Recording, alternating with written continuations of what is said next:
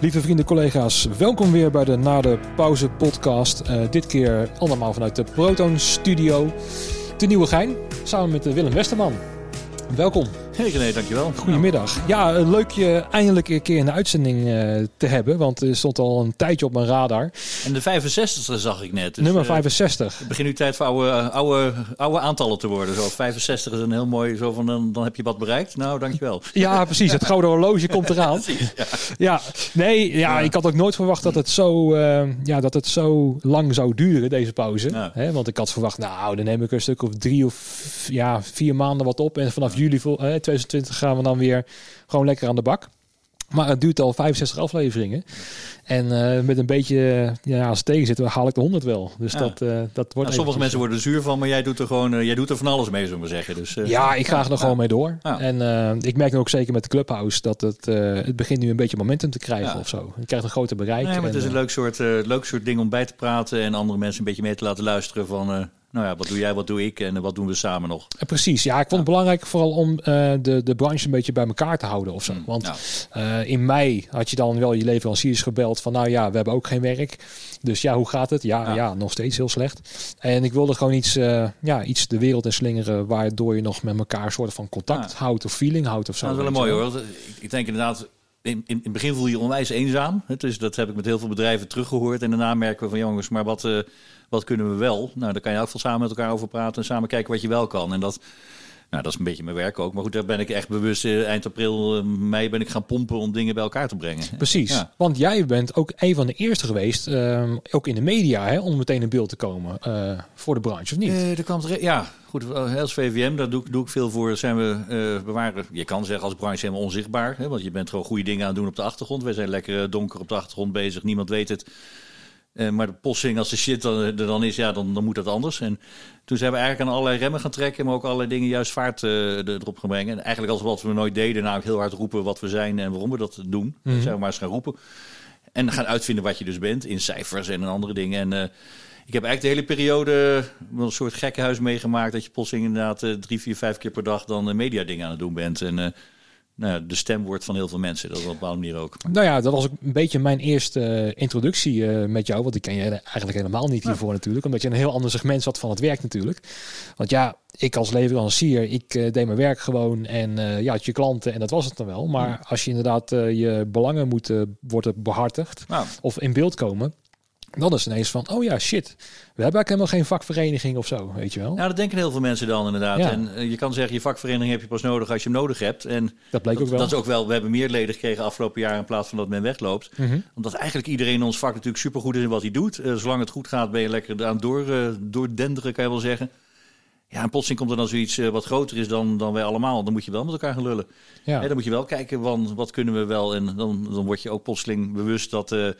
Dat Den Haag niet alleen een plek is waar we af en toe mooie, mooie shows doen, maar dat Den Haag ook mensen zijn die over ons denken te gaan. En uh, wie denk jij dan dat je bent? Nou, dat moeten we dan toch ook uh, durven zeggen. Precies. En dat zeg ik namens ons allemaal op een gegeven moment tegen die rare politici. Ja. Dat... Want de VVM, en voor mijn uh, beleving, is die ook pas net begonnen of zo, net een jaartje. Maar dat is het blijkbaar veel langer al. Nou, 2001. Dus, oh, oké. Okay. Dan moet je nagaan hoeveel ik dus al ja. gemist heb. Nee, maar dan zie, dan zie je hoe, ook hoe logisch sommige mensen inderdaad denken van, dat wist ik niet eigenlijk het idee brancheorganisatie heb je pas nodig als. Nou ja, ik denk wel dat een hele hoop partijen, inderdaad, 2000, vanaf 2001, toen zagen we gewoon het belang van de evenementen groeien. Maar we zagen ook de logica van, uh, oh, ze denken over ons te gaan en, en hoe kunnen we dat oppakken. Mhm. Mm -hmm. Oftewel, niet alleen maar mono weer naar je bedrijf kijken en niet alleen onze gave shows, maar ook hey, uh, meer gedoe met vergunningen, met wetgeving, met, met ja, en eigenlijk dat gedoe. Uh, ja, dat ben ik met de brancheorganisatie gaan oppakken. En de brancheorganisatie hebben daarvoor opgericht om mensen te helpen met de dingen die ze lastig vinden. Ja, want was het in de tijd ook al uh, redelijk nodig? Want ik, uh, tenminste aan mijn tak, ja, 2001, toen was ik nog helemaal niet vak bezig. Hè? Laten we daarmee beginnen. Ja, dus, ja. um, maar wat ik dus heb gemerkt, als je dus nou ja, een goed popfestival organiseert, zoals de VVD ook dacht van nou, als je dus pop doet en is populair, dus Ja. heb je geen subsidie nodig. Ja. Wat op zich grotendeels ook waar was. Maar um, was dat destijds ook al... Uh, wat, wat was toen het gevoel om het toch dan te beginnen? Waren er toch een hoop... Nou, ik zat bij een uh, hele eigenwijze organisator. Hè, die gewoon uh, denkt van dit en dit doen we zo. Ik was productiemanager van een, van een groot festival. En daar had ik eigenlijk jaarlijks heel veel overheid over de vloer. Hè, de Belastingdienst kwam controleren. En dat zijn dan natuurlijk van die hele moeilijke dit en dat. Nou, we gingen met elkaar praten. En de man van de arbeidsinspectie, die, die begon achter een bosje te zitten en dan, uh, ik heb je uh, te doen. Nou, ben ik een keer bestraffend toespreken. En hij dacht van, wie is die arrogante eikel van die organisator? Wat, hè? En we praten wel door en hij zei, toen we zeker toen we het tweede jaar met elkaar bezig waren, van Wim, jullie weten zo goed wat je doet. Alleen ik kan jullie als bedrijf niet uh, de credits geven dat je het zo goed doet. Jullie moeten zorgen dat je als branche uh, gaat vertellen waarom je dingen goed doet. En toen ben ik eigenlijk, en we waren die jaren ook bezig om het idee Arbo, arbeidsveiligheid te introduceren. Dat klinkt nu echt uh, van welke prehistorie, maar daar hebben we dat festival voor gebruikt om allemaal dingen er, erin te brengen. En ja, toen zei hij, ja, jullie, jullie doen goede dingen, je weet goede dingen, je bent mensen aan het trainen, je bent mensen aan het opleiden, aan het begeleiden. Dat is eigenlijk wat we in de normale maatschappij eh, ook doen. Alleen daar praten we met de brancheorganisatie over. Wie is jullie brancheorganisatie? Ja, die was er niet. Nee. Dus ik ging weg bij dat uh, eigenwijze bedrijf. Ik ben er gewoon keurig uitgegooid. Dat is ook altijd goed voor de geschiedenis. Ja, ja, ja. Op een gegeven moment dan, uh, dan ben je plotseling dat je denkt, wat nu? Toen begon ik mijn eigen bedrijf en ik ben begonnen met arboveiligheid bij evenementen. Okay. Dat was nodig. En ik heb uh, nou, meteen eigenlijk uh, het plan opgevat de brancheorganisatie op te richten. Nou, daar zijn we mee begonnen en in 2001 was hij er. Dus het is eigenlijk gewoon je handel zoeken, kijken wat nodig is. Uh, ondernemersgeest een beetje op dat moment. Want ik moest altijd een keer een eigen winkel gaan doen. Nou, die eigen winkel is het helpen van mensen met, met de shit waar ze in zitten. nou, dat doen we nu nog. Ja, precies. Ja. Hoe groot was de kern destijds van die groep van de VVM? Nou, we zijn, ik ben eigenlijk begonnen met, uh, noem het maar, bestuursleden zoeken. Dus eigenlijk drie, vier, vijf, zes, zeven, acht uh, geestgenoten uh, zoeken. En toen zijn we echt met die vijf, zes, zeven bedrijven hebben het opgericht. En hebben het eerste jaar kwamen op twintig bedrijven ongeveer uit. Omdat je wel een soort ja, kringetje hebt waar je natuurlijk zegt, ik bel even rond en jij wil dat toch ook? Ja, nee, laten we dat, laten we dat gaan doen. Hè? Dus ja. je hebt snel 20, je hebt snel 40, je hebt snel 80. En toen gingen we nadenken van waar moet het komen? En toen hebben we geprognostiseerd, om de, zo mooi te zeggen, dan begin een beleidsplan. Te, nou, laten we 200, uh, heel grootste branche. En toen zeiden we, nou, bedrijven die mee willen doen, waarschijnlijk een stuk of 200. Nou, nu vertegenwoordig een stuk of 200 bedrijven. Dus, uh, ja. Nou ja, ik vind uh, destijds 20 ook wel een goede start geweest hoor. Omdat ik denk dat er heel veel Is bedrijven zijn die toch vrij huiverig zouden zijn voor, ja, waarom zou ik me daar aan aansluiten? Je begint met een soort harde kerngedachte van wie wil. En als je praat over Arbo, nou, nu, en het zijn nog steeds een aantal mensen zeggen, nou prima, ik doe natuurlijk die dingen wat ik ik vind het leuk en logisch. Je hebt ook mensen die zeggen, ja, nou, dat gelul, dat wil ik niet. Nee. En ik heb eigenlijk gezegd, nou, we hebben, als je de branche verdeelt, kan je zeggen, we hebben een soort topsegment, we hebben middensegment en een ondersegment. En top en midden, die gaan samenwerken in de brancheorganisatie. De, de top wil trekken, wil er geld in steken en wil vooruitstrevend zijn. Midden wil gewoon goed meedoen en wil dat ook ondersteunen en samen heel logisch over praten. En die volgers, heel veel bedrijven in onze branche zijn volgers. Dat is helemaal niet erg. Maar die hebben er ook profijt van dat we de, uh, boel aansturen en de gezinnen. Ja. En die, die ja, met z'n allen profiteren we daarvan. Door het feit dat je vooral die middengroep hebt en die toppers hebt die, die samen geld bij elkaar gooien om mij uh, aan het werk te zetten. Precies. Ja, want ik kan bijvoorbeeld Proton zien als een bedrijf wat juist een van die volgers is. Want wij zijn natuurlijk altijd afhankelijk van wat ja, uh, het oplevert hè, aan de klanten, aan, aan aanwas, ja, aan subsidies, aan wat er mogelijk is en zo. Op een bepaalde manier wel, maar ik denk dat als jij een bepaald idee hebt, dat je ook zegt waar kan ik het in de groep gooien. En wij zijn eigenlijk natuurlijk mensen die ideeën in de groep gooien en kijken hoe we, hoe we er dan werk van kunnen maken. Want het begin begonnen met inventariseren, waar willen we het over hebben? Nou, toen we kwamen we vrij snel op veel onderwerpen. En toen hebben we gezegd, het eerste jaar, uh, nou, laten we 1, 2 en 3 doen. Het tweede jaar onderwerp 4, 5 en 6. Maar 1, 2 en 3 die waren niet weg, die bleven ook. Nou, daarna merk je dat je eigenlijk, uh, en dat is ook best lastig geworden, maar dat ik eigenlijk altijd 28 mapjes uh, ongeveer voor me heb liggen, waarvan de 3, 4 prioriteit 1 de andere prioriteit 2 en de rest, het kan nog even duren. Mm -hmm. Maar sommige dingen zijn echt heel langdurig geworden. En andere dingen pakken we echt even kort op. Maar we helpen mensen met ideeën. Als jij zegt, dit zou we eigenlijk moeten doen.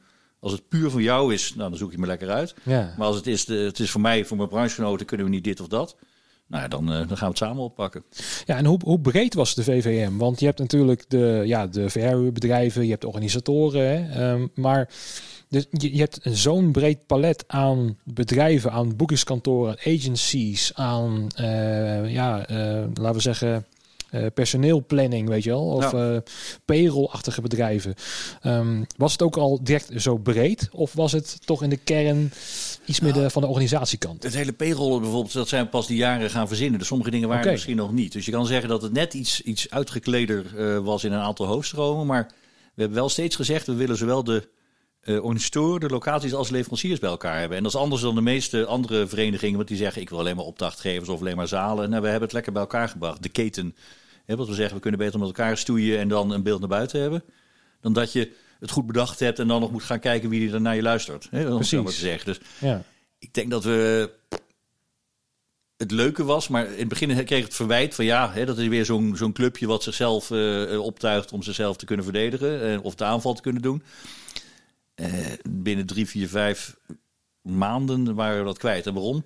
Laat ik zeggen, als ik een podiumbouwer erin heb zitten, hè, dan zegt iedereen: Oh ja, dat is die podiumbouwer weer, die is vriendje van die en van die. Maar toen hadden we plots in de concurrent van die podiumbouwer er ook in zitten. En dat was de eerste concurrent van een concurrent, zeg maar.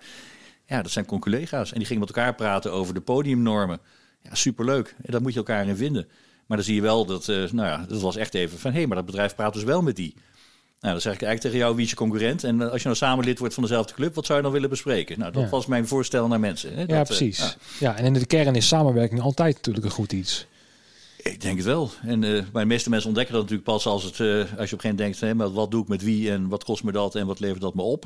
Hè, het is toch een beetje de, de cost-effective samenwerking. Ja, ja, komt er dan op af. Maar als tegen jou zegt van ik heb een hele leuke samenwerking, we gaan dit en dit doen en dat en dat heb je eraan.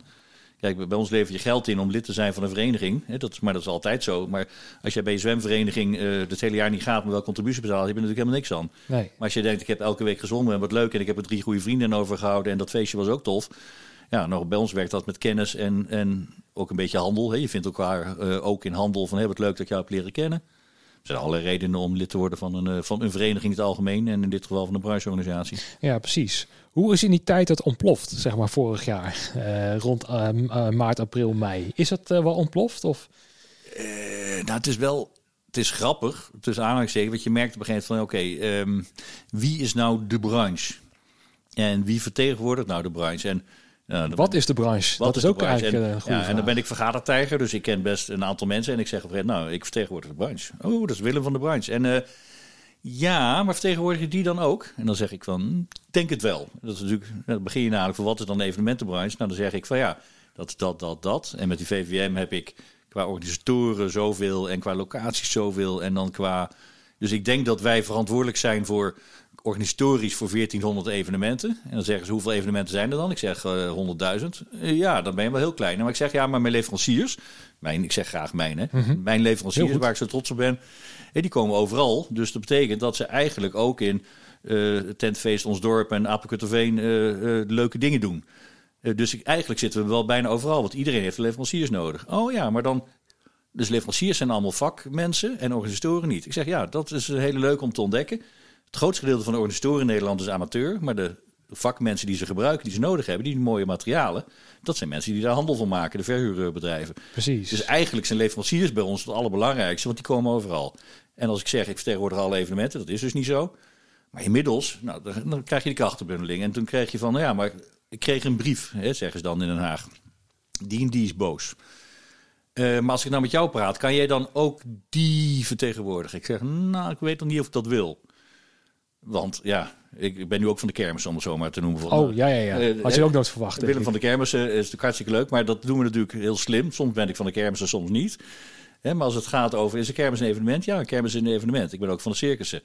Maar in het begin was het natuurlijk, ja, de, de kermissen staan hier op de stoep en de circussen staan op de stoep.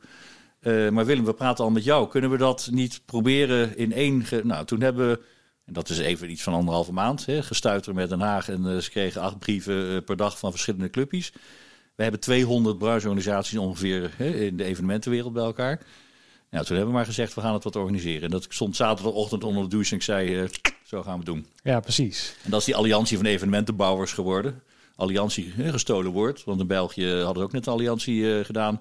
Ik dacht, uh, dat gaan we ook doen. Ja. Uh, rondbellen, rondbellen. En twee weken later uh, hadden we het. Ja, ja. En, en in die, daar zit dan uh, Jolanda van Ahoy bij, ja. volgens mij. Hè? En de KNVB. Ja, precies. En... Toen hebben we ook de sport erbij gepakt. En, en juist, nou, hebben zijn behoorlijk samen sterk gaan doen. En Jolanda heeft heel veel... Ja, want ik werd steeds met al die persdingen inderdaad. En het was ideaal natuurlijk om dat even te gaan verdelen. En Jolanda pakt dus alle evenementenbranche uh, dingen die bij de bouwers uh, binnenkomen. En ik pak de VVM dingen. Nou, dan hebben we het allebei ietsje rustiger en toch best druk. Ja, precies. Want dat is gigantisch gegroeid volgens mij. Want ook met die Field Lab evenementen. Hè, dat, uh, als je gaat kijken naar Pieter Lubbers. Nou, die was eerst... die is nog steeds CEO van Backbone bijvoorbeeld. Ja. Nou, die was alleen maar bezig natuurlijk met Backbone over het algemeen. Ja, maar, maar kijk, wat hij erbij is gepakt. Het is natuurlijk bizar wat we eigenlijk allemaal erbij zijn gepakt op het gebied van PR en lullen over je vak, maar dan ook met de buitenstaander. Want normaal doen we dat met elkaar in de hotelbar. En nu moet ik gaan uitleggen wat wij doen, hoe we het doen. En zit je daar plotseling met ministers en wetenschappers, zeg maar. Ja, die, die wereld van Pieter is ook duizend keer veranderd zo. Nou ja, dat, kan ik me wel voorstellen, ja. Want als er iemand bij Jinek zet, is het tegenwoordig Pieter. Ja, dus we zijn eigenlijk steeds meer aan het plannen. Wat vertel ik aan wie, waar, wanneer hebben wij nieuws en hoe regelen we dat het ook nieuws wordt wat op de plek eh, gaat landen. Dat lijkt op marketing, dat deden we altijd al, maar dat deden we naar de klant, hè, naar onze bezoeker. En nou zijn we gewoon onszelf aan het verkopen, eh, omdat onze boodschap belangrijk is. Ja, en dan komt nu ook een stukje politiek bekijken natuurlijk. Nogal. Weet je wel. En wat, waar en dat is niet alleen bij de verkiezingen, nog erger nu, maar ja, natuurlijk. Het is een het is een spel met, uh, met allemaal uh, nou, rare, rare poppetjes. Ja, en het, ja. het de meeste in onze branche, dat, dat politieke spel hebben ze helemaal geen zin in. We willen gewoon lekker aan het werk dat is een beetje de tendens die ik dan merk. Hè? Zo van de politieke gelulman. Ja. Ik wil gewoon weer op het veld staan. Gewoon nou, de meeste collega's, maar dan, dan kom ik terug bij het begin. Hey, je neemt je brancheorganisatie omdat ze iets voor je doen waar je zelf geen zin in hebt. Ik denk dat dat wat je zelf niet kan of geen zin in hebt. Moet je uitbesteden. Ik denk dat heel veel mensen blij zijn om te zeggen: oké, laat, laat hun het maar doen. En zolang we het redelijk doen en erover vertellen, dan uh, blij dat ze het doen. Of het zal wel, of uh, ik vind het niks, maar niemand anders. Hè? Je hebt verschillende meningen, maar zolang wij hard genoeg uh, rennen, uh, ja, denk ik dat we ook proberen te scoren af en toe. En als je dan ook nog, ook nog wat bereikt, ja, het is nooit goed, maar we zijn wel dingen aan het doen die het, het beter maken. Precies. Hoe kijken er tegenaan dat er zoveel um, ja, ook weer brancheorganisaties bij zijn gekomen? Want wij van Proto zijn ligt bij de VTTE voor ja. de toeleveranciers. Je hebt de VVFE voor de freelancers. Nou, VV, VVM, waar jij erbij zit, en de Alliantie van Evenementenbouwers. Maar bijvoorbeeld de boekers hebben ook weer een eigen tak. Uh, hè? Um, hoe kijken er tegenaan? Moet dat meer worden gebundeld? Of is het juist goed dat dat juist uh, apart van elkaar wordt georganiseerd? Nou, het grappige is, uh, toen ik nou, onder de douche stond en die naam bedacht, ben ik daarna een spreadsheet gemaakt. Ik ga ontzettend van Excel. Oké. Okay. Toen heb ik gewoon de branche op één spreadsheet uh, neergezet. En mm -hmm. daarna, daarna ga je ontdekken van, nou, die is voor dat en die is voor dat. En wie is dan ook nog? Hé, hey, en die is voor dat en die is voor dat. En toen ben ik een beetje gaan verdelen, hè, van wat kan er makkelijk bij elkaar, wat, en wat is er nog niet. En eigenlijk het maffe is dat je dus... Uh, nou ja, dan gaan we even naar de geschiedenis. Het licht- en geluidsbedrijven, om zo de technische bedrijven samen te vatten, waar jij dan zeker bij hoort. Eh, daar hadden we vroeger de Preza voor, de licht- en geluidsbedrijven. Omdat de Preza er was, zijn we als VWM niet gaan werven binnen de licht- en geluidsbedrijven. En daarmee hebben we dat, dat is een vrij ongebonden segment. Daarna zeg je op een gegeven moment, ja, maar dat is toch helemaal niet handig nu?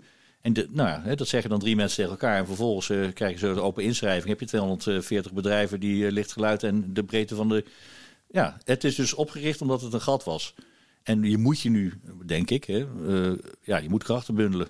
Als je dat nu niet doet, dan is het niet slim. Nou, de freelancers, om even zo samen te vatten, die zijn, oh, wij zijn heel zielig. We, we hebben nu echt een probleem. En ja, dit komt, dit. Ja. Iedereen, wie maakt zich druk voor ons? En zij van de grote evenementen doen dat niet. Want dan zeg ik op dat moment van ja, of je gaat bij ons meedoen. Maar ja, hoe doen we dat met al die mensen? Of zullen we je helpen? Letterlijk zijn we zijn met elkaar gaan praten met de VTTE en de VVFE hoe kan je een vereniging oprichten? Hoe kan je mensen bundelen? Hoe kunnen we samen sterk zijn? Je kan samen sterk zijn door een aparte vereniging neer te zetten en die weer mee te laten praten met het geheel. Ja, je krijgt een soort van stamboomconstructie, om het zo maar te zeggen. Ja, want daardoor kan ieder zijn aandacht krijgen. Eh, maar eh, de, de, nou, de 700 VVFE'ers, die zitten via de alliantie eh, met ons weer de, de, grotere gesprekken te doen en hebben ook een eigen route. we hebben allemaal, dat is een slimmigheidje, dat je natuurlijk, wat doe jij zelf en wat doen wij? Wat doen wij voor jullie? Wat doen wij sowieso? En wat, wat, wat kan je zelf bekrachtigen? En als je daarover praat met elkaar, ja, dan, dan, dan wordt het leuk, want dan ben je de wereld aan het beïnvloeden. Precies. Kom je dan ook achter dat wij in het vak sowieso vrij goed zijn in het, uh, sowieso het organiseren, maar ook in het overleggen met elkaar van hoe gaan we dingen aanpakken? Want dat zie ik wel als een van onze, de krachten uit onze branche in feite. Een beetje een ja en nee. En dat, dat klinkt dan meteen politiek, maar ja, wij zijn supergoed om dingen aan te pakken, projectmatig te bekijken en te gaan doen. Alleen wij van de evenementen denken altijd dat we alles moeten uitvinden. Mm -hmm. En het feit dat iemand anders het al verzonnen heeft, dat, uh, dat is best moeilijk voor dat mensen. Dat kan ik beter. Ja, ja. Hè, want we weten zeker. Hè, nou, Hugo, uh, Hugo Dier, uh, die komt nu met, met zijn staatsapp. Hè, de, de app die ons gaat helpen met entrees. Maar ja, we hebben al drie van die apps. Want die hebben in de evenementenbranche al gemaakt de afgelopen tijd. En dat hebben we ook vol log, log, logisch gevonden. Dat wij kunnen dat beter, want wij zijn van toegang. Ja, toevallig heb ik daar gezegd, dat het lijkt niet zo handig, dit wordt vast een staatsding, want het gaat over volksgezondheid en uh, krijgt iedereen kriebel van. Uh, maar ja, we hebben die app al gemaakt en we zijn daar heel goed in. En we hebben mensen die dat goed kunnen doen. En we hebben andere mensen die apps maken, die ook zeggen, die evenementenwereld, dat is interessant. En dan zijn we met elkaar al lang aan het samenwerken. Dus we, we, zijn altijd beter dan Hugo. Alleen ja, hij verzint het voor het hele staat. En dan wint hij deze wedstrijd tussen aanhalingstekens. Ja. Soms hebben wij het uh, verzonnen. En dan zijn wij de innovatiekracht van Nederland geworden. Ja, precies. En wat, wat, er waarschijnlijk ook bij komt kijken... is dat dan Hugo zijn eigen contactje weer heeft... die dan een appbouwer heeft of zo. Nou ja, we hebben de mensen met goede ideeën ook op Hugo afgestuurd... om het zo maar te zeggen. En gezegd, hé, dan moet je die hebben. Want daar kunnen we weer in verbinden dat we op een gegeven moment horen. Hè, van oké, als je dit idee hebt leg het nou aan die voor, want die zijn bezig met, uh, met de staatsapp, om het zo maar te zeggen. En daar zit toch weer private uh, invloed natuurlijk in, want ja, de staat kan heel veel dingen natuurlijk niet zo goed uh, in zijn eentje. Nee. De staat dan van die staat van Hugo, niet van, het, van de band natuurlijk. Maar... Hoe gaat die app er een beetje uitzien? of is het nog helemaal niet duidelijk? Want um, wat ik in ieder geval gehoord heb, is gisteren in de, in de clubhouse, is dat er dan een app komt en het maakt dus niet uit of je uh, antigen-test hebt gedaan of een negatieve PCR-test of je hebt een vaccin. Uh, er komt in feite gewoon te staan, oké, okay, jij bent goedgekeurd en je kan naar binnen. Ja. Werkt het op die manier? Ik begreep het, want het is eigenlijk wat we gisteren inderdaad uh, horen. Ik weet best een hoop dingen, maar dit was ook een beetje van... Uh, oké, dit is het stadium waar ze nu zitten. Hè. We gaan volgende week of de week daarna wordt het ding getest. Het is klaar. Uh, en alles wat de overheid goed vindt als uh, het is goed, dat komt er dan bij onze voordeur uit als een, uh, noem het maar groen scherm of een QR-code die ja zegt. En dat kan dus zijn de gevaccineerd zijn, begrijp ik. Het kan zijn getest zijn met een test die dan gevalideerd is door de overheid om dat negatieve resultaat dan tot een groen scherm te laten leiden. Maar het kan ook de immuniteit zijn die je hebt opgebouwd door het feit dat je al hartstikke ziek bent geweest of op een andere manier coronaproef bent. de overheid bepaalt wat de input is en wij zien alleen maar de output dat is ook, ik zeg een beetje, wij zien alleen de output, dat groene scherm. Er zijn allerlei mensen bij ons die zeiden, ja, maar dat wil ik koppelen met mijn ticket. Voorlopig is het een, een, een losse app. En er zullen zeker contactvlakken ontstaan die helpen bij de toegang. Maar het zijn eigenlijk twee handelingen. je komt uh, bij de voordeur met een ticket en je laat zien van, uh, nou, dit is mijn, uh, mijn groene scherm. Ja. En zij van de overheid moeten maar zorgen dat dat financieel uh, klopt, dat het vooral medisch klopt en dat het frauduleus uh, klopt en dat niet uh, Harry met de, de, telefoon van Theo naar binnen komt. Ja, dat, nee. dat zeggen we ook een beetje. Hoe doe je dat dan overheid? Nou, dat moet dan bewezen worden. Precies. Ja, wat ik ook op die testen heb gehoord is dat ja, je, je, kan een thuis sneltest kan je dan kopen en daarvoor gebruiken. Maar er moet wel toezicht op zijn, zoals met bijvoorbeeld een dopingtest, dat iemand wel toeziet dat jij dat doet. Want het kan ook zomaar zijn uh, dat uh, jouw buurvrouw, die gisteren toch negatief getest al is, dat die voor jou eventjes die sneltest doet. Dat je op die manier er binnenkomt. Ik denk dat, dat ik met thuistest duizend vragen kan stellen die uiteindelijk nee betekenen. Maar ik kan ook een aantal vragen stellen uh, waarbij ik uiteindelijk denk van nou, als het zo kan werken, is het wel heel fijn. En ja. dat laat ik hem even een gek voorbeeld dat ik van de week bedacht. Dat iemand zei, ja, die, die meerdaagse festivals voor jou, die kunnen niet meer doorgaan. Ik zeg, ben je gek geworden? Ja, want als jij op donderdag jouw test haalt doet, dan is de uitslag vrijdag. Nee, nou, dat moet donderdag kunnen. Dan kan je vrijdag naar je festival, dan kan je zaterdag naar je festival, maar daarna mag je niet blijven. En toen zei ik van waarom niet? Ja, nee, want dan is je test verlopen. Die is 48 uur geldig. Nou, dan zit ik meteen te denken hoe we natuurlijk op Loners gewoon uh, uh, een leuke tent hebben waar je langs gaat en waar je dan je upgrade doet zodat je zondag mag blijven. Als iemand dat al zo willen verzinnen, maar dat verzon ik dan weer rond de -hmm. douche uh, s'avonds. Dan zit ik altijd met een. Er komt weer iets geks op van jongens, we moeten alles kunnen oplossen. Ik wil niet alle testen op een festival doen, even voor de duidelijkheid. Nee. Want dan kunnen we natuurlijk qua aantal helemaal niet aan. Nee. Ja, dus die testcentra die gaan we echt gebruiken. En bij de voordeur kom je gewoon snel binnen door het feit dat je heel snel kan laten zien dat het oké is. Maar ja, we kunnen voor alles een oplossing vinden. Precies. Kan je dan ook bijvoorbeeld nu de Formule 1 meenemen? Want die werken al in bubbels natuurlijk in een heel weekend. Want die moeten dus op uh, donderdag, uh, op vrijdag trainen, zaterdag uh, kwalificatie, zondag race. Die hebben in feite al de structuur van drie dagen een, een, een, ja, een, een organisatie samenstellen. Nou, die zijn het al vol jaren aan het doen. Net, zo, net goed als KNVB met al die wedstrijden die ze doen. Dat komt niet zomaar tot stand. Hè. Die, die zijn zich al eindeloos aan het testen. Dus wat we nu aan het uitvinden zijn voor de, voor de grote nou, laten we zeggen voor het publiek, hè, dat, dat hebben we natuurlijk al langer. Het idee dat je een bubbel hebt en dat je op een gegeven moment zegt, oké, dat moet kunnen. Dat is natuurlijk even het geloof in, wat we er nu met de Field Lab evenementen ook doen. Het geloof in het feit dat je mensen die je bij elkaar brengt op een gecontroleerde manier. En hè, waarvan je weet dat ze getest zijn, ook weet dat het geen probleem is. Als je daar ook de factor tijd aan toevoegt, en dat zeker met hun bubbels, uh, ja, zie je dat gewoon. Dan kan je inderdaad met elkaar omgaan op een manier dat het risico laag is. En dan kan er nog steeds iemand ziek worden. Dat gebeurt wel eens in de tenniswereld. Uh, heb je ook af en toe, hè? er is ja. weer eentje. Maar dan zijn het uitzonderingen. En dan is het percentage dat risico hè, wordt gelopen, ja, dat is een aanvaardbaar. Nou, daar moeten we naartoe dat je gewoon toffe dingen kan doen met een aanvaardbaar risico. Ja.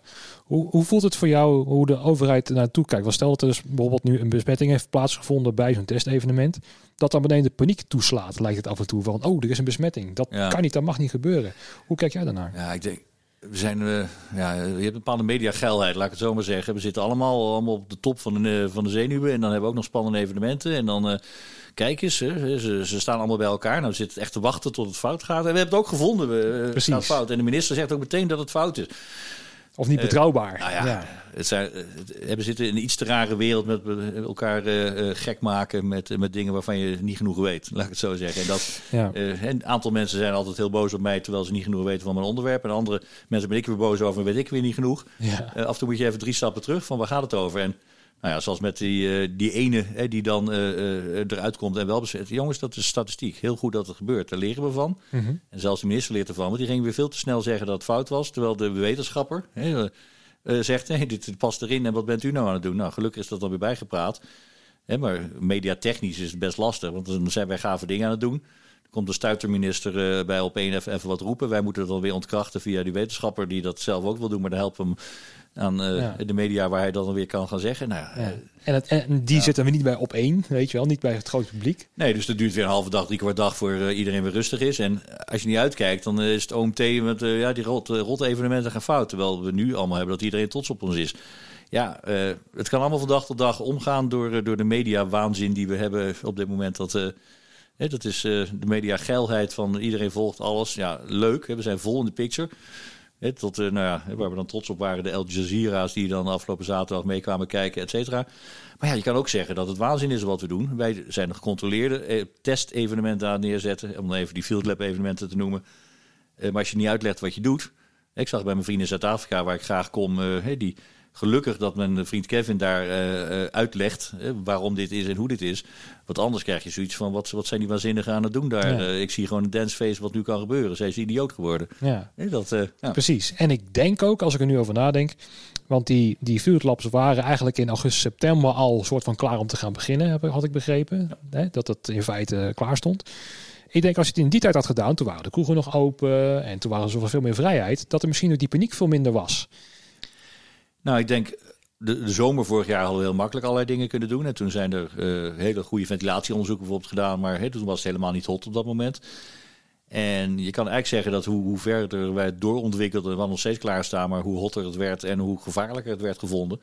En toen was het een tijdje, dat gaan we dus niet doen, zolang we in deze fase zitten. En ja, toen zijn we het zelf gaan upgraden, om het zo maar te zeggen, naar uh, uiteindelijk minister-president zeggen van ja, maar kijk nou even wat we aan het doen zijn kijk dat dit testen zijn, kijk dat dit niet bedreigend is, maar dat dit de juiste kans is om weer te grijpen en dus te gaan doen. Ja. En toen hebben we min of meer voor elkaar gekregen dat ze, ze van de ministers het logische begonnen te vinden. Nou oké, dan moeten we kijken dat we een uitzondering maken. En uitzondering in de wet, hè, we hebben nu wettelijke uitzondering om deze dingen te mogen doen. Uitzondering in de, eh, het gevoel. Hè, wat ja, voor degene die er geweest zijn afgelopen weekend. Ik denk dat je denkt van oké, wat voor droom zat ik in en nu is het weer voorbij. Terug in de nachtmerrie of terug in het gewone leven. Maar ja, het is even uh, gebeurd. Het is een gevoel, maar het is voor ons ook een test. En het is uiteindelijk een bewijs. En het is een hulpmiddel om open te gaan. Of een hulpmiddel om in elk geval kennis te hebben, ervaring te hebben die we kunnen gebruiken bij het opengaan. Ja, kan je dan ook de andere onderzoeken uit Europa meenemen in dit verhaal? Want in Leipzig was er zo'n groot test-event geweest. In augustus, september volgens mij vorig jaar. Ja. Waren volgens mij zeer positieve conclusies uitgetrokken. Ja. Dat er ook... Uh... Nee, maar laat duidelijk zijn, en dat merk je elke dag. De hele wereld is hier natuurlijk mee, uh, mee aan het dreutelen. En dreutelen betekent voor mij zijn problemen aan het ondervinden. Maar ook, hé, hey, dan gaan we dit doen, dan gaan we dat doen. En we hebben zeker internationaal merk je dat je op een gegeven moment denkt van... hé, hey, maar daar gebeurt dat, daar gebeurt dat. Oh, wat een mooi voorbeeld. We zagen allemaal hele mooie routekaarten ontstaan en wij hadden dat nog niet. Nee. Nou ja, twee weken later hebben wij het en vier weken later is die van hun weer bijgesteld. We zitten allemaal in hetzelfde pakketje, dus we gebruiken elkaars informatie. Ja, dat, precies. Uh, en de resultaten van uh, inderdaad Leipzig Barcelona, ja... Je merkte hoe zonder te weten waar het over ging, dat ene persbericht uh, geen problemen al echt een relief was van wow, het kan weer. Het kan weer, ja. dus we zitten ook wel te wachten op ons soort ja, onderzoeken met hopelijk positief nieuws. Hè? Want positief nieuws is belangrijk om weer verder te kunnen. Ja, hoe zie je die routekaart? Want um, we zijn nu bubbels aan het creëren. Dus in zes verschillende, nou drie verschillende settings in feite. Dus je hebt dan twee keer theater, twee keer Ziggo Dome, twee keer Biddinghuizen. We hebben vier verschillende uh, dingen. Want we hadden uh, twee keer theater, maar uh, oh, je voetbalwedstrijd. voetbal hebben we ook nog gehad. Dus we hebben vier type evenementen verzonnen. Hè? Type 1, 2, 3, 4. Eerst mocht 1 en 3 alleen. Dat was dus de theatersetting en de voetbalsetting. En daarna is uh, bijgekomen wat we nu met Ziggo Dome hebben gedaan afgelopen weekend. Dat is type 2. En type 4 is nu voorkomend weekend uh, buiten, buiten in de bij. Stel nou hè, uh, dat er wat positieve resultaten komen uit... Bijvoorbeeld, ik zat in de bubbel bij Guido Weijers als publiek. met, nou, ik zat met z'n tweeën. En dan voor en naast mij en achter mij waren stoelen leeg. en dan geen mondkapje op. Stel dat die bubbel, nou, dat daaruit blijkt met contacten... Dat is nou heel erg goed te doen. Um, kan, kan dat dan een, een oplossing zijn voor theaters? Dat van oké, nou in theaters is dat veilig, gaan we dat doen. In, in voetbalstadions, in dit scenario is, is veilig. Ben je echt zo aan het pinpointen dat je gaat kijken welk, welk scenario wel mogelijk is? Dat je bij een evenement buiten daar is geen bubbel. Dat is gewoon één grote bubbel in feite, toch? Dat is gewoon alles loslaten nou, met een mondkapje op, toch? Kijk, de, bubbel, de bubbels zijn niet om de boel lekker te verdelen, maar de bubbels zijn om verschillende testjes op uh, groepen los te laten en het verschil te kunnen zien. Precies, ja. Dus dat is gewoon een werkwijze tijdens het testen. Maar we gaan helemaal niet door met allerlei uh, bubbels. Hè. We gaan gewoon door met uh, de evenementen organiseren. Maar die bestanddelen van het evenement, hè, wat wij de bouwstenen zijn gaan noemen, die worden bekeken. En dan kan je op een gegeven moment zeggen, nou bij dat soort evenementen is het heel logisch om iets met een mondkapje te doen. Als je daarin gelooft. Hè, en we hebben dat bewezen. Maar, en dat maar is dat ik bij het dance evenement afgelopen zaterdag, hè, dan zeggen we tegen mensen, je moet een mondkapje op, maar goed, binnen een minuut is het af. Vinden we het raar? Nee, want dat hadden we voorspeld, maar we zien het ook gebeuren. De wetenschap is ook overtuigd. Als ik tegen een dancefeest mensen zeg, je moet op anderhalf meter van elkaar staan en een mondkapje ophouden. En ondertussen mag je wel uh, bier drinken, dan, dan verklaart hij me voor gek. Want dat is het, een fout concept, om het zo maar te zeggen. Ja. Maar ondertussen, we moeten dit jaar wel kijken wat er wel kan. Welke maatregelen kunnen we nou treffen dat we goed genoeg weten hè, dat wat we doen uh, niet te veel uh, zieke mensen oplevert. Precies. Nou ja, en daar, die bestanddelen. En daarom dat heel Nederland toch uh, door nou, de overheid nu ook richting dat sneltesten, of het testen en het sneltesten wordt gedreven. Wat wij dus bij die evenementen ook doen. Dat daar dat geval beginnen met PCR-test. Maar als jij weet dat iemand bij de voordeur oké is, dan kan je heel veel van die oké-mensen op een oké-veld uh, lekker hun ding laten doen en dat samen oké vinden. En dat eh, risico wat er dan is, is dan niet zo groot. Nee. Ik maak het even simpel, maar als ik dat bij de voordeur goed doe, dan kan ik op het veld heel, heel veel de boel loslaten. Precies. Is mijn gedachte nu. en dat doen we komend weekend vermoedelijk ongeveer op die manier. Maar bij het theater hebben we inderdaad verschillende groepen verschillende dingen laten doen. Die hebben keurig gehoorzaamd. En dat levert kennis op wat je in het theater kunnen doen. En het theater moeten we natuurlijk ook naar een grotere capaciteit dan wat we nu ook in de vorige zomer mochten. We zijn niet boven de een derde capaciteit geweest van elke venue. Ja, dat kan gewoon niet. En dat, qua uh, financiën. Dan kan je op een zeggen, het was leuk, maar eh, nee, het, het, is meestal al minder leuk en het kan zeker niet uit. Het is inderdaad, geld is een drama geweest, daar hebben we alleen maar op ingeleverd. Ja, en we zitten nog steeds uh, dicht, want volgens mij de theaters zijn nu sinds oktober, november, samen met de horeca, volgens mij volledig dicht gegaan. Zoiets, ja. We zitten nu in maart, een half jaar verder. Ja. Dat is een hele flinke periode. Je kan zeggen, tijd vliegt. En uh, god, is het al zo lang. Maar inderdaad, dat betekent ook, nou, denk maar vanuit de ondernemer, dat je gewoon inderdaad uh, die omzet die er al niet was. Want met die een derde, daar heb je dus ook niks aan. De kosten zijn hoger dan, uh, dan wat je eruit haalt. wij hebben als branche gewoon vastgesteld dat we wel, we, we, we, hebben helemaal niet een eerste, tweede of derde. Nee, we hebben gewoon één hele lange periode van, van gesloten zijn. Want alles wat we in de zomer mochten, heeft, heeft niks opgeleverd. En daar konden we ook niks mee. Nee. Het waren hele mooie grote horecaterrassen. Nou, sommige mensen hebben daar een DJ bij gezet. Nou, gefeliciteerd. Maar alles wat live is, dat uh, was gewoon uh, was er niet.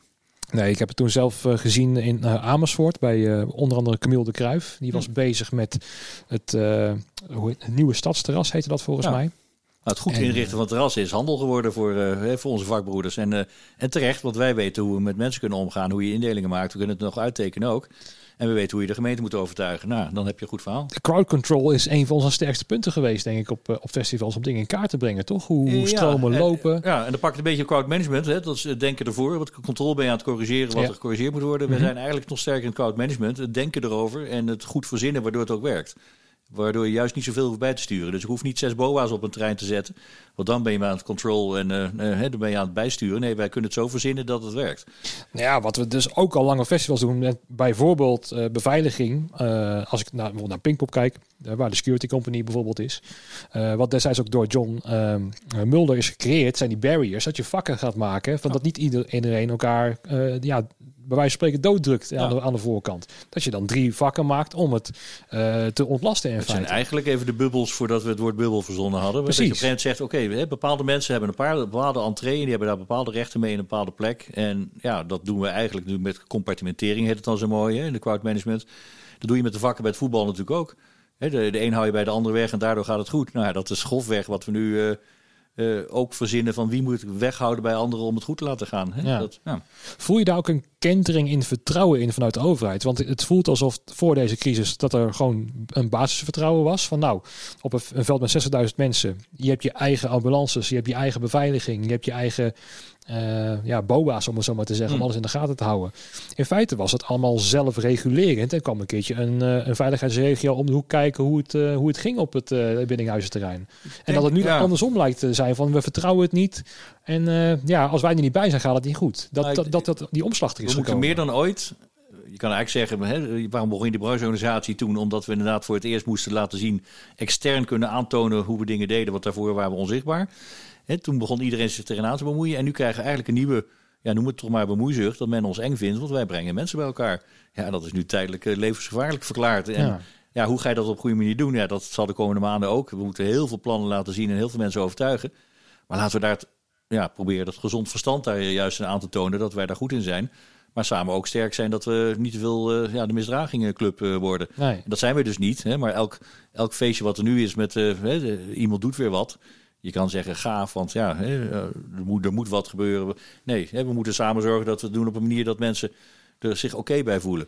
Ja, en wat je dus gisteren bijvoorbeeld in Clubhouse zei, wat ik interessant vond, is dat we ook aan uh, in beeld laten zien van kijkers, mensen staan op elkaar. Want nu is dat eng, nu is het heel erg eng. En dat je dat nu in de media laat zien van kijkers, nou, het, stel dat de resultaten positief zijn, kunnen mensen alvast wennen aan het beeld dat mensen dicht met elkaar kunnen staan.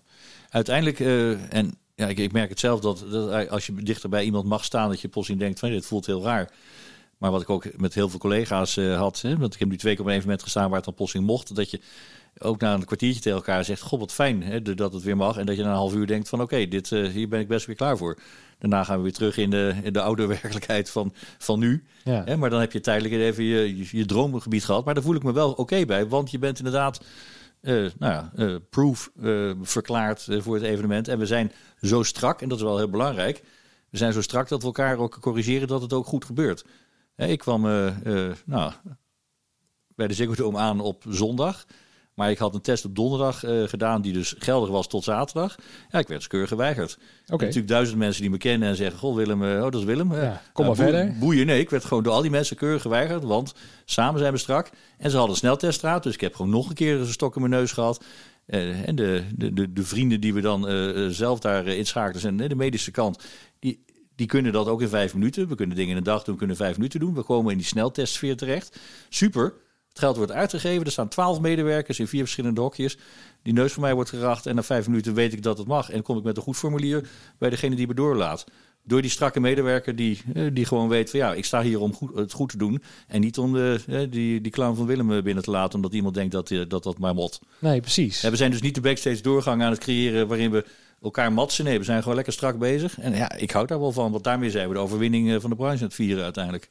Ja, en dat was vroeger natuurlijk uh, in de tijd voor mij. Hè, dat bijvoorbeeld uh, nou ja, onze, uh, ja, hoe het nou, de oud-eigenaar onder andere van Proton Kabel, die jou wel bekend. We dat go long way back. ja, misschien moeten we het daar ook nog even over gaan hebben in plaats van over dit. Hè, maar, um, nee, want hij kwam vroeger nog gewoon op het binnenhuizenterrein niet geaccrediteerd van ik ben er, weet je wel. En, we, kennen allemaal het verhaal natuurlijk. En, en, en, zeker bij de grotere festivalterreinen. Dat je weet dat als jij de, de goede uh, Air, het goede loopje, eventueel de flightcase of de Porto hebt. Uh, kijk, als ik, als ik met twee Porto's omhang en, en mijn lanyard en dan ook nog iets, iets draag. Ja, ik vind het altijd superleuk als een security iemand me wel durft tegen te houden. Want dan is hij een uitzondering. En dat is een beetje de rariteit die we natuurlijk bereiken. Dat je steeds bezig bent, ook in de risiconiveau, inschattingen te maken. En als je denkt, hé, hey, die ziet eruit als een vakgenoot, dan zal die ook wel vakgenoot zijn. Dus, dan zal we niet voor de lol met een 125 ampère kabel. En, en, heel af en toe dan trekken we de boel een beetje aan om, om het, het strak te krijgen. Maar je weet, wij willen dit, we willen een uitstraling hebben van strak, maar het is nooit 100% strak. En dat is het leuke met wat ik net zei van afgelopen weekend. We zijn nu even echt strak. Dat kunnen we nou ook. En datzelfde weet je ook bij opschaling en zeg maar koninklijke huizen en allemaal dat soort circussen. Als het moet kunnen wij zo makkelijk bijschalen, omdat we daar goed in zijn. Ja, En ook, en dat, dat heb ik met de vorige podcast ook al over gehad met Danny Damman. Um, we zijn zo goed in, in zo snel dingen organiseren. En dan voelt het bijvoorbeeld met zo'n vaccinatieprogramma, um, waar dus vroeger het leger wordt ingezet. Mm ja, als, we, als wij daarin betrokken zou zijn geweest, hè, dat kan niet meer, weet ik. Maar toch, ik stond klaar bijvoorbeeld. Uh, ik, ik, zei ook heel vaak tegen Erik al. Als ze mij hadden geleerd om, uh, om een goede prik te zetten, dan was ik wel uh, s'nachts in de, in de AVAS Live, waar misschien geprikt zou worden, ga ik wel de studenten wel prikken. Weet je wel, gewoon maar, maar het deel van die dingen is andersom. En het grappige is, hè, zodra de, de overheid iets niet voor elkaar heeft, dan zeggen heel veel mensen, inclusief wij zelf, hè, dat kunnen wij beter. Maar het mooie is dat er op de achtergrond zijn er allerlei bedrijven van ons al lang bezig de, de, GGD in Nederland wordt grotendeels gewoon gerund uh, qua menskracht, maar ook qua denkkracht en qua kantoren door onze collega's. Okay. En, en, heel veel mensen weten dat helemaal niet. Maar die GGD die kan, een, ja, die kan best wel iets, laten we het gewoon vriendelijk zeggen. Mhm. Maar die kan nog meer door het feit dat ze geholpen worden. En zodra mensen gingen roepen, waarom doet de evenementenmarge dat niet? Ja, er waren maar een paar mensen die wisten dat het al lang gebeurde. Omdat ze gewoon hun werk ervan gemaakt hebben. En dat er een redelijke stilte gewoon fucking trots kunnen zijn op wat ze doen. En, we daar zijn we goed in om juist uit beeld te blijven. Op dit moment hebben we elke, elke dag hebben meer dan 200 medewerkers gewoon in, in de GGD-achtige situaties lopen. En ja, daar gaan we later wel mooie verhalen van maken. Maar op dit moment is het gewoon werk. Precies, je moet nu gewoon even doorpakken. En uh, die documentaire komt later wel. En de komende tijd wordt het skelter, hoop ik, denk ik. Hè? Want we gaan natuurlijk gewoon alleen maar nog meer dit en nog meer dat. Hè? Er komen nog meer testlocaties, er moet nog meer gevaccineerd worden. Ja, en uh, ja, die paar miljoen prikken, ja, als we erbij kunnen helpen, zullen we dat doen. En her en der wordt er ook behoorlijk al geholpen. Ja, ja. Klopt. Laten we dit even met de laatste vraag afronden over dit onderwerp. Van, word je soms niet een beetje moe om hierover te praten trouwens? Dat je elke keer wordt uitgenodigd hiervoor? Uh, het is een beetje, en misschien een raar vergelijking, maar de, de uh, Arbo-veiligheid toen ik daarmee begon. Hè, toen was ik de enige die als zendeling was, zeg maar. En dan elke avond in een hotelbar, dan moest ik in de aanval de verdediging, wat iedereen... Uh, ik hou het ontzettend van om dingen over ons uit te leggen, omdat ik trots ben op wat we doen. Mm -hmm. En omdat er ook nog wel wat variatie in zit. En we elke dag uh, momenteel in zo'n gekhuis zitten. En dat lijkt een beetje op crisismanagement. En de mensen die het wel eens hebben gedaan, een tabletop. Hè, dan heb je zo'n oefening. En dan zit je met allemaal nou, quasi belangrijke mensen het evenement te runnen. En dan elke drie minuten komt er iemand met een briefje en dan heb je weer een verstoring. En dan moet je weer een output opgeven. Ja, dat vind ik eigenlijk wel leuk. Oké. Ik ben de hele dag bezig en het iets te lang al nu, maar... Ja, je staat nu wel in je kracht, laten we het Crisismanagement van jongens, uh, maak me niet gek, er komt weer wat. Oh, Oké. Het is een beetje jammer dat we natuurlijk met de eerste appjes om half acht beginnen... en s'avonds pas om elf uur stoppen met de, de harde kern van deze ellende, om het zo maar te zeggen. Maar we zijn elkaar nog steeds gek aan het maken en dat moet maar even. Ja, maar we zijn ook zo benieuwd naar elkaars verhaal en hoe we wel dingen kunnen doen. En omdat we te weinig antwoorden krijgen, omdat we, ja, we zijn aanpakkers, dus we willen van de het, grap, het grappige is dat je merkt dat ook, ook ministers, om maar eens even een rare parallel te trekken, die worden op diezelfde manier uh, gek bezig houden, maar dat ze elkaar toch gunnen dat je in het weekend elkaar niet gek maakt als het niet hoeft. Nee, precies. En, en nu zijn we natuurlijk elk weekend evenementen aan het doen. Ja, dat, is, dat trekken we weer lekker even door. Maar in principe zijn we de weekend de afgelopen tijd best wel relatief rustig geweest. Ja, ja. Eh, elkaar iets gunnen is ook belangrijk. En dan merk je plotseling dat uh, iedereen denkt van nou, oké. Maar goed, wij zijn lekker weer het weekend dingen nu aan het opstoken. Dat er gewoon mooie feesten zijn. Ja, dan is het weer even anders. Precies. We gaan nu even afsluiten. Want ik ben ook nog wel steeds benieuwd naar een beetje de achtergrond. Want ik heb het verhaal gehoord uh, dat je ook bij Proton zelfs betrokken was. Op de Witte Vrouw is single. Ja, dat is echt leuk. Dat, en dat het verhaal is um, dat nou, op een gegeven moment kwam er een trailer voor rijden. En nou, we hebben te weinig man. Dat, Kabel belde Willem op. Van Willem is toch wel wat mensen uit het studentenhuis te krijgen om die trailer te lossen. Ja.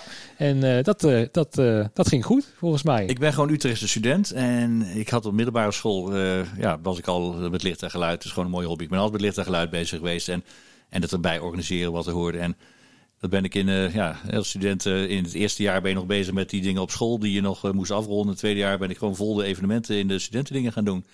En dat doe je eerst in je eigen vereniging en dan je eigen roeivereniging erbij en dan de andere vereniging erbij en een posting in de stad.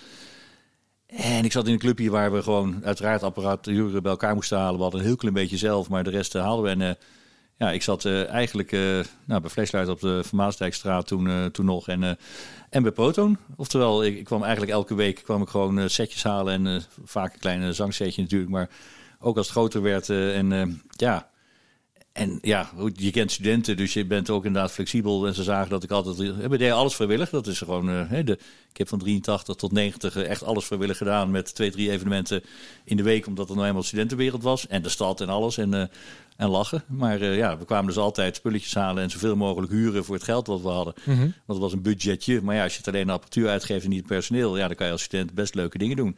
Dus wij waren elkaar het opgeilen, mooie setjes gewoon. We gaan dit, gaan dat. Ja, ja en die studenten die kwamen natuurlijk bij Kabel en en Fred en Han en zo over de vloer. En uh, ja, dat was lachen met elkaar. En ik mocht mijn eigen setjes rapen. En uh, was voor, ik was ook niet duur wat dat betreft voor hun, zeg maar. Ze hoefden, hoefde niks aan te doen.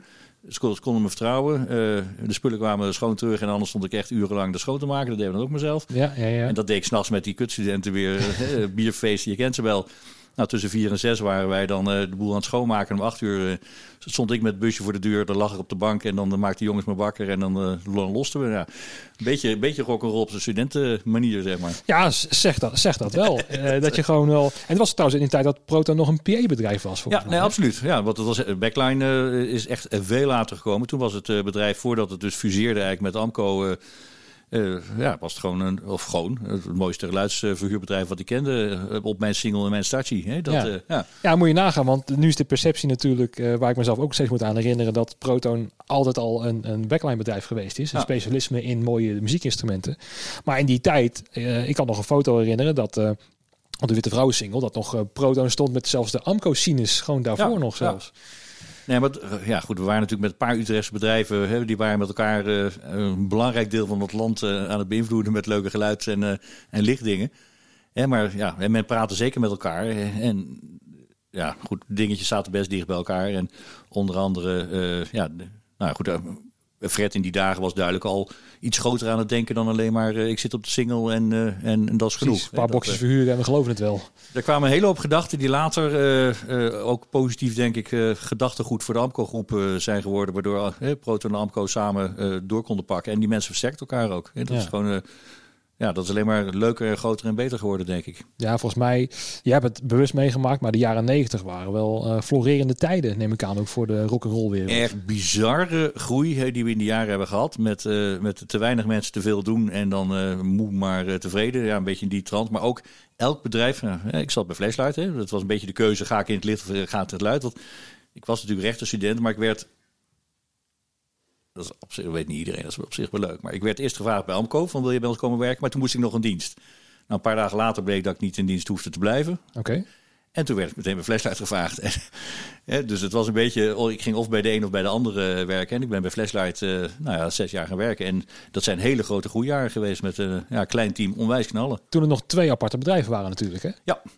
Nou, was het in de tijd dat John Mulder daar aan de, aan de leiding was van Flashlight? Uh, nee, nee, die was daar al weg toen. Dat, oh, die was er al weg toen? Ja. Oké.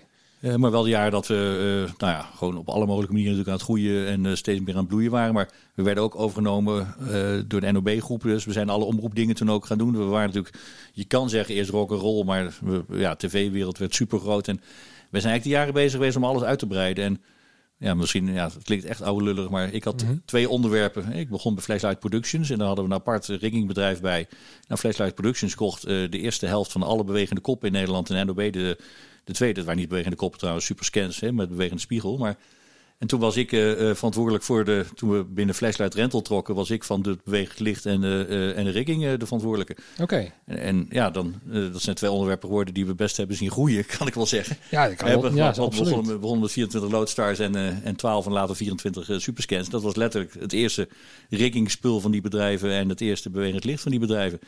Ik ben operator geweest in Aalsmeer, dus ik heb een half jaar uh, alle spelshows zitten doen om die superscans beter te leren kennen. Oké, okay, grappig. Ik deed het onderhoud ervan, ik deed het onderhoud van de takels. Uh, en ja, goed, op een gegeven moment ga je ook het personeel erbij regelen. Op een gegeven moment mag je bedrijfsbureau runnen. Op een gegeven moment, hè, goed, je, groeit, je groeit door in een bedrijf, om het zo te zeggen. Maar, uh, maar dat betekent dus dat jij in feite de, de materie uh, de achtergrond hè, en de materialen nog steeds goed kent. Want we kennen je ja. natuurlijk hè, de laatste jaren natuurlijk alleen maar van, nou ja, in de media. Uh, je zegt ja, maar ik heb maar... ontzettend altijd iemand van, uit, uit, uit, nou ja, met de poot in de klei willen zijn. En ook bijgehouden wat en hoe. Want ik vind als ik iets vertel over ons, dat ik het ook moet, uh, moet snappen. En natuurlijk snap ik niet alles, maar ik ben wel een onwijze wijsneus en ja. ook eigenwijs mens. Met, wat ik er positief uitleg met een bepaalde eigenwijsheid. Maar ik, wil het, ik lees erover, ik verzamel de boeken erover, ik schrijf mee aan de normen erover. Eh, maar ik wil ook, ook weten waarom we dingen doen. En zeker die eerste jaren dat constant uh, natuurlijk met die Arbo-dingen kwam. Als ik niet kan uitleggen waarom het beter uh, kan. En dan sta ik er ook een beetje raar bij. Hè? Want ik, ja. moet, ik moet het goed kunnen uitleggen. Ja. Dus ik verdiep me eigenlijk in iedereen. En ik, ik weet van best veel dingen genoeg om dat op een zinvolle manier... ja, Precies. Te, ja. En je weet ook goed te verwoorden ook nog een keer. Dat is ook nog Nou ja, dat, de meeste mensen van ons zeggen inderdaad van jongens... ja, ik oh, er komt de camera bij. Ja, liever niet. Nou, inmiddels ben ik dan degene die als de camera komt dan ook maar het verhaaltje houdt. Ja, precies. En inmiddels zijn er heel veel trotse ondernemers die dat ook zelf snappen hoor. Die inderdaad zeggen, hey, wat leuk dat we dit doen. Hè? Want ik vraag best vaak aan ondernemers natuurlijk om samen iets te doen bijvoorbeeld. Hè? Dan samen aan tafel is des te leuker. Want dan heb je een mooie ondernemer in de brancheorganisatie die het samen brengen. Dat is prima. Dat doen we met Jacco Vondelhoff uh, zeg maar, van MKB Nederland af en toe. Dat je natuurlijk zegt van hé, hey, daar heb je die ondernemer en dan steunt hij dat. Hè? Dus je kan dat soort dingen ook, uh, we kunnen ook samen het nieuws in. Ja, precies. Um, zie jij een parallel tussen uh, hoe, wat er, gebeurde in de jaren negentig met toen het ook allemaal floreerde? dat het nu ook misschien kan gaan gebeuren. Dat er te veel vraag is voor te weinig spullen en te weinig mensen. Nou, ik denk dat we die tijd nog, nog zelf wat controle erover hielden. Hè? Dat je wel hele grote groei zag, maar dat je je, je, je, kon de spullen leveren die er waren en de spullen die niet waren, ja, daar moest je op aanpassen. Nou, dat lijkt misschien weer wel wat dit najaar zal gebeuren. We moeten op een gegeven moment kijken welke materialen mensen je kunnen leveren en daar moet je je festival op aanpassen. Dus nou, ik zie dan toch een parallel. Ik begon te zeggen het is anders, maar ja. we zien een parallel inderdaad. Dat we het moeten doen met wat we hebben en daar ook trots op zijn en dan ook heel veel kunnen. Maar ik weet zeker dat, en dat is de logica van de economie ook van onze als je een festival hebt uh, wat normaal acht podia uh, heeft, maar het valt in hetzelfde weekend als iedereen. Ja, waarom zou je niet er vier podia van maken en ook heel blij mee zijn en iets meer mensen per podium hebben staan? Ja. En volgend jaar gaan we elkaar weer opgeilen dat het nog mooier moet. Maar nu moeten we even zorgen dat ik gewoon met mijn poot een klein met een biertje sta en iedereen happy maakt. Dat we er doorheen dat, komen, überhaupt. Gewoon dat we weer buiten staan uh, met een muziekje erbij. En ik denk als ik tegen jou zeg, zullen we vrijdag een biertje doen, uh, poot in het zand met een DJ, dat jij dan probleemloos dat er 35 euro op uitgeeft. Alleen je niet weet waar we gaan staan, maar gewoon het feit dat het kan, vind je al mooi. Ja. Maar dat gaan we dit, dit najaar bereiken. Hè? Dat, uh... Het doet me heel erg denken aan de eerste beginselen van, van uh, Lowlands. Als ik dat terughoor van de Mojo podcast, mm. hoe dat is gegaan. Van, nou, weten we nog iemand die stage manager kan zijn? Oh, uit het paard nog 100 mensen. Hoppakee. We, we hebben ontzettend, maar dat geldt voor heel veel festivals hoor. Maar zeker, zeker bij Lowlands hebben we gewoon geprobeerd eigenlijk alle, alle broeders en zusters uit het vak, inclusief de vrijwilligers, mee te nemen in wat we doen. Hè? Donderdag bij de entree hadden we altijd alle clubs staan. Dat is deels omdat je dan ja, gewoon mensen nodig hebt. Maar ook uh, letterlijk omdat ik 600 tot 800 mensen daar nodig uh, had. Maar kunnen we dat niet zo doen? En dan merk je de trots van, uh, in dit geval de club zien die zegt, nou ja, die die coördineren dat, die die komen mee. En het mooie is dat je dan ook, ook weer kan zeggen dat daardoor de mensen die door het jaar heen samen over loners praten, er ook geweest zijn dat we ook ze kunnen gunnen door het feit dat ze medewerker zijn geweest. Dat ze vervolgens ook de andere dagen mogen rondlopen. Dus het is ook een beetje ervoor wat hoort wat. En ik mhm. vertel dat dan weer aan de Belastingdienst die er eerst over wil. Uh, ja, dat is een vergoeding in Natura. Nou, dat soort gelul los ik dan weer op tussen ja, aanstekens. Ja, ja, maar dan zie je dat we samen logisch vinden dat we natuurlijk de vakgenoten bij de festivals laten komen en daarop meewerken.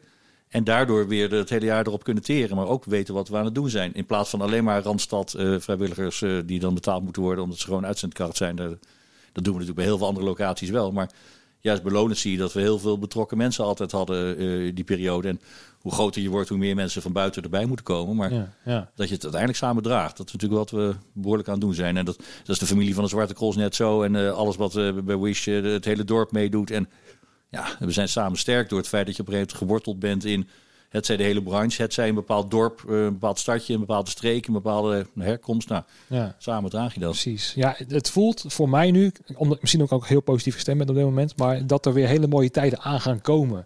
Weet je, we zitten nu eigenlijk op rock bottom en het kan alleen maar mooier en beter worden. Dus ja, ik voel me zwaar gemotiveerd, ook zeker met de mensen die ik dan spreek, um, om echt weer open te gaan, om dingen weer te gaan doen.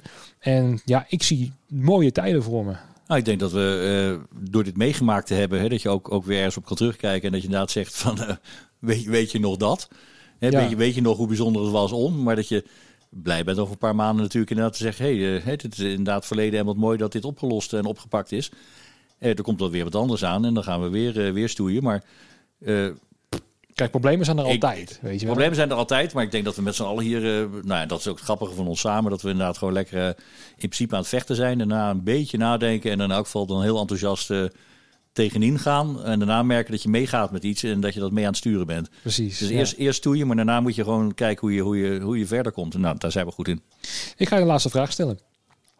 Misschien ken je hem al, maar... Ik, ehm, nee. Nee, niet? Oh, dan ben je toch niet de vaste luisteraar die tot het einde blijft? Ik moet even nieuwsgierig doen. Oké, okay. oh, heel goed. dat doe je ook heel goed, uh, Willem. um, wat uh, ga jij samen met corona niet missen van de evenementenbranche slash festivals? Wat mag er jou betreft ook wegblijven met corona? Ik wist er niet meer, die vraag. Maar ik weet wel dat je nu je het zegt, dat je hem eerder hebt gesteld. Inderdaad, dat... Um, ik ben zo slecht in, in negatieve dingen uh, dat onthouden. Dat draag ik namelijk gewoon dus niet mee. Het kunnen ook kleine dingen zijn. Hè? Het, uh, het hoeft niet uh, groot te zijn, maar iets meer rijplaat op de parkeerplaats. Nou ja, uh, sommige dingen uh, kunnen wel stom zijn, maar ik ben dol op te weinig rijplaten, want dan rijden we weer naast en dan kan ik met de treinauto weer wat doen. Dus, okay. dus dat soort dingen, de, de tegenslag uh, maak ik altijd werk van en een, en, een lolletje van. Dus dat vind ik leuk. Nee, waar ik een beetje, juist met die branche samenwerking, ik, ik kan een beetje gek worden van mensen die die niet willen samenwerken. Mm -hmm. die inderdaad zeggen, ja, maar wij, wij bestaan uit strijd en wij, wij zullen dat blijven doen. En dat uh, heb ik met vakbonden heb vroeger wel eens gehad. Dat je gewoon zegt, ja, jij wil dus altijd tegen zijn. En dan, nou oké, okay, dan ga ik ook tegen zijn. En dan komen we daar dan verder. Nou, volgens mij moet je dan de dag daarna kunnen tegen elkaar kunnen zeggen, ja. uh, stap je door. En er zijn, er zijn een paar clubjes die gewoon alleen maar uit tegenstand bestaan. Nou, daar hou ik niet van. Dat, nee, precies. Die altijd in de oppositiekant staan, ja, zeg maar. Hè, want ik ben wel zo eigenwijs dat ik zeg, hè, dan gaan we eerst, eerst stoeien voordat ik de strijd opgeef. Maar mensen die dan, waar je inderdaad niet verder mee komt, ja, dat, Nee. Dat, dat, daar kan ik niet tegen. Okay. Nee. Nou, oké. Okay. Nou, een uniek antwoord moet ik zeggen. Ik heb het niet eerder gehoord. Ja. Nou, dankjewel voor je tijd, Willem. Je gaat door naar Tivoli Vredenburg, heb ik gehoord. Je hebt ook altijd uh, nog wat klusjes uh, hè, waar je nog even wat moet afleveren met jouw uh, Precies, precies. Nou, doe ze daar de groeten van Van Binsbergen. Dankjewel. altijd ja. goed. Dank voor je komst. En ja, de luisteraars, kijkers, dank voor het kijken en luisteren. Tot de volgende keer. Tot na de pauze.